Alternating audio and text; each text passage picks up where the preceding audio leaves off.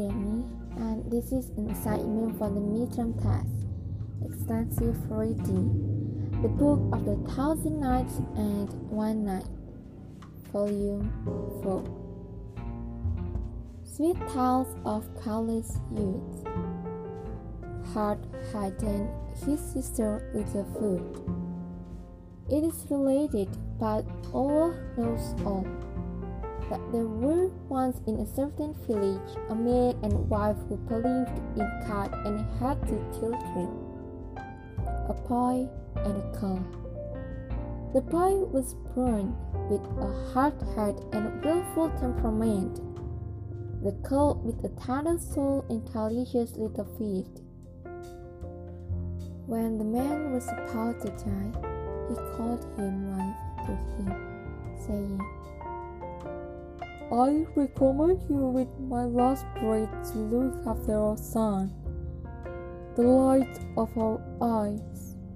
Whatever he does, do not scold him. Whatever he says, do not contradict him.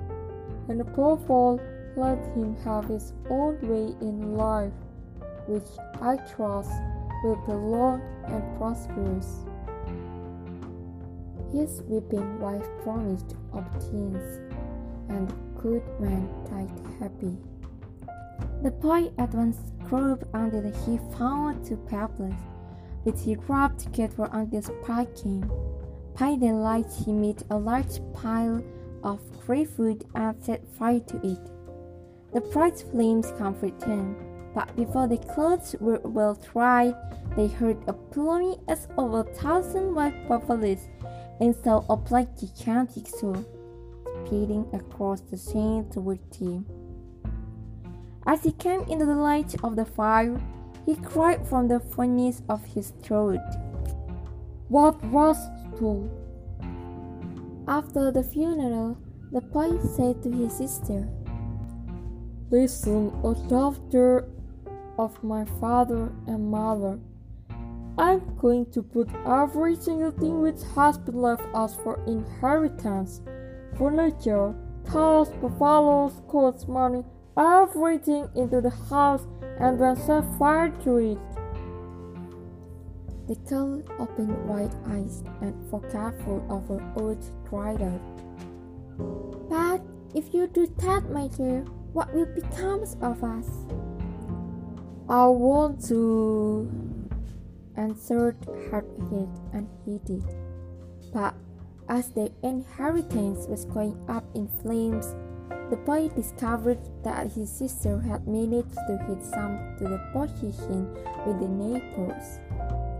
So he found the various houses by following the tiny footprints of his sister and set fire to them, one after the other, with all their contents.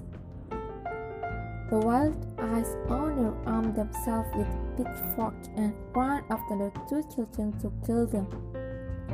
Half dead with the fright, little foot and cried to her brother, Save me!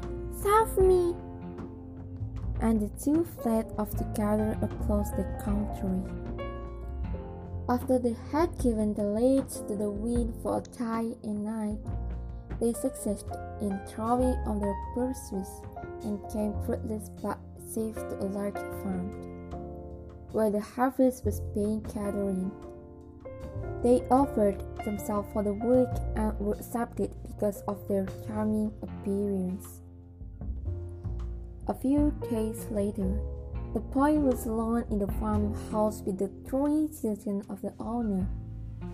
He thanked them with a thousand caresses and then said, Let us go out and to float the quiet place. When the girl perceived her brother's absence from the house, she was convinced that he would be destroying something somewhere.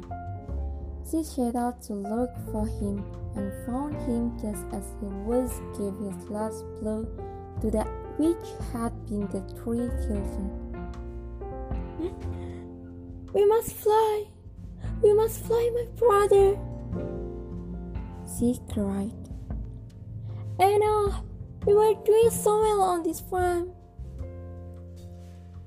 She succeeded in dragging him with her in her flight, but he would certainly not have gone if he had not wanted to. When the poor farmer found his children in impacted upon the rising floor and saw that the two strangers had fled, he collected all the farm hands and armed them sharply with poles and cudgels. Then he led them forward along the paths which the children had taken and camped for the night at the foot of a very tall tree. Now the brother and sister were hiding in the top branches of this tree. When they woke up down and saw all their precious sleeping below, Hardhead pointed down and braved father and said to his sister, You see that big one? Well, I'm going to the things on his head. The sister beat herself across the mouth for terror and cried, Oh, alas, do not retreat, my dear. They do not know that we are up here, and if you keep quiet, they will go away. No, I'm going to do things on the head of the big one, and insisted Hardhead, a squeaking town and topmost brains. He pissed and dropped drunk on head and face of the farmer until it was entirely covered. As soon as his wife reached in and entered the chamber where her husband waited with rolling eyes, the mason threw himself upon her without a word, and seizing her by the hand, flung her to the ground. After administering a rain of kicks and blows, he tried her arms and, grabbing a great knife, was about to cut her throat she yelled and cried loudly that all the neighbors of Putsexin ran in to help her, saying her about to be slain. They pulled the husband away by force and asked why he had merited a punishment. The woman swore that she knew no reason. So the crowd cried to the husband. Even as he spoke, a giant root spying the two children as he sailed above the tree, pounced down upon them and poured them off in the talons. They were already in the air when the tree fell under the violent egg strokes of the billow.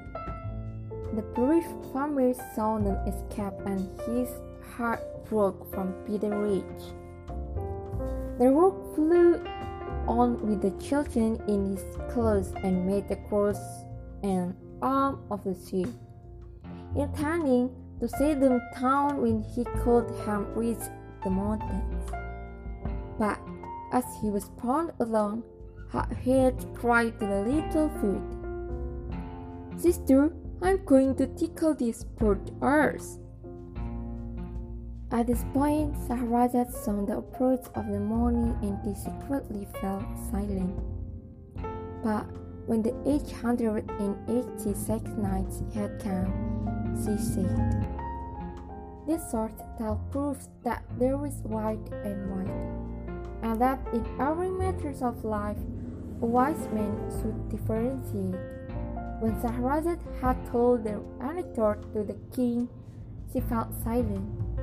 Then said Shahryar, In trust, their tales are infinitely more.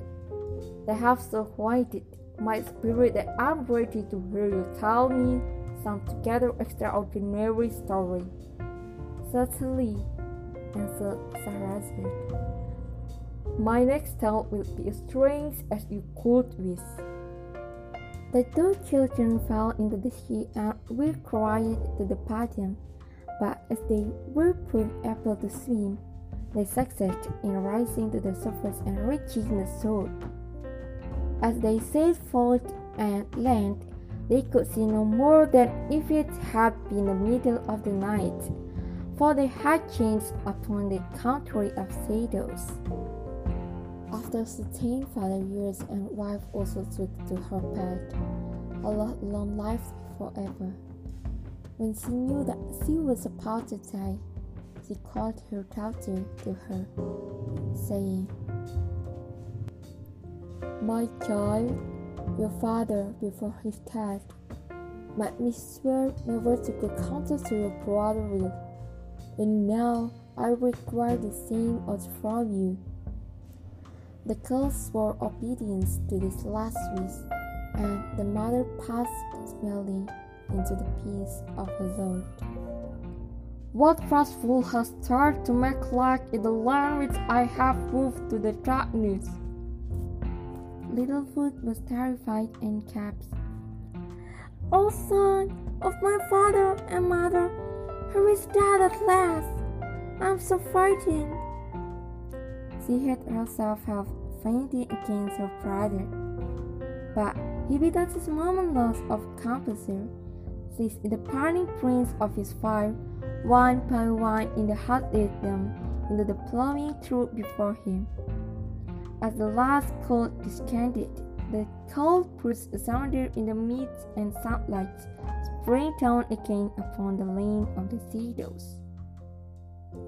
For the darkness had been caused by the cold ever keeping his gigantic pattern between the sun and earth. So much for the cold pattern. While Hardhead lay resting behind a rock and Littlefoot was beside him, the king of that country saw the sun shine again after many years, and knew that the terrible cold was dead.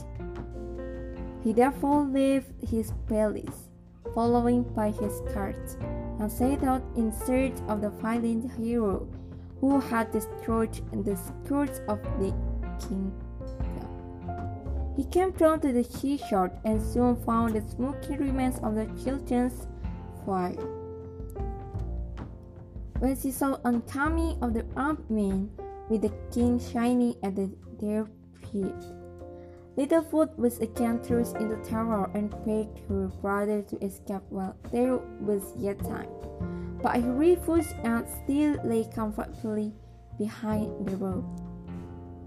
Near the ashes of the fire, the king found the body of the colt, blowing into a thousand fragments, also a tiny sentence with Littlefoot had thrown when she retired, with the brother behind the road. Suddenly, see who were his sandals destroyed or full, cried the king to his guards. Scatter and find her! But Littlefoot did not wait to be found. She plucked up her courage and came out from behind the road. As the king walked to meet her, she threw herself at his feet, imploring his safeguard. And when he saw that we, she whirled the fellow to the little sandal which he held in his hand. He reached and embraced her, saying, Little daughter of benediction, did you kill the colt? My brother did again, she answered. And where is the fine fellow? He demanded. You will not hurt him? She insisted. Most certainly not, exclaimed the king. So Littlefoot retired behind the road and let for Hardhead. When the two stood before him, the king said to Pie, O chief and crown of bravery, I give you the hand of my only daughter in marriage, and because of her childish little feet, I take your sister to be my queen. It is permitted, answered Hardhead, and they all prospered in great delight.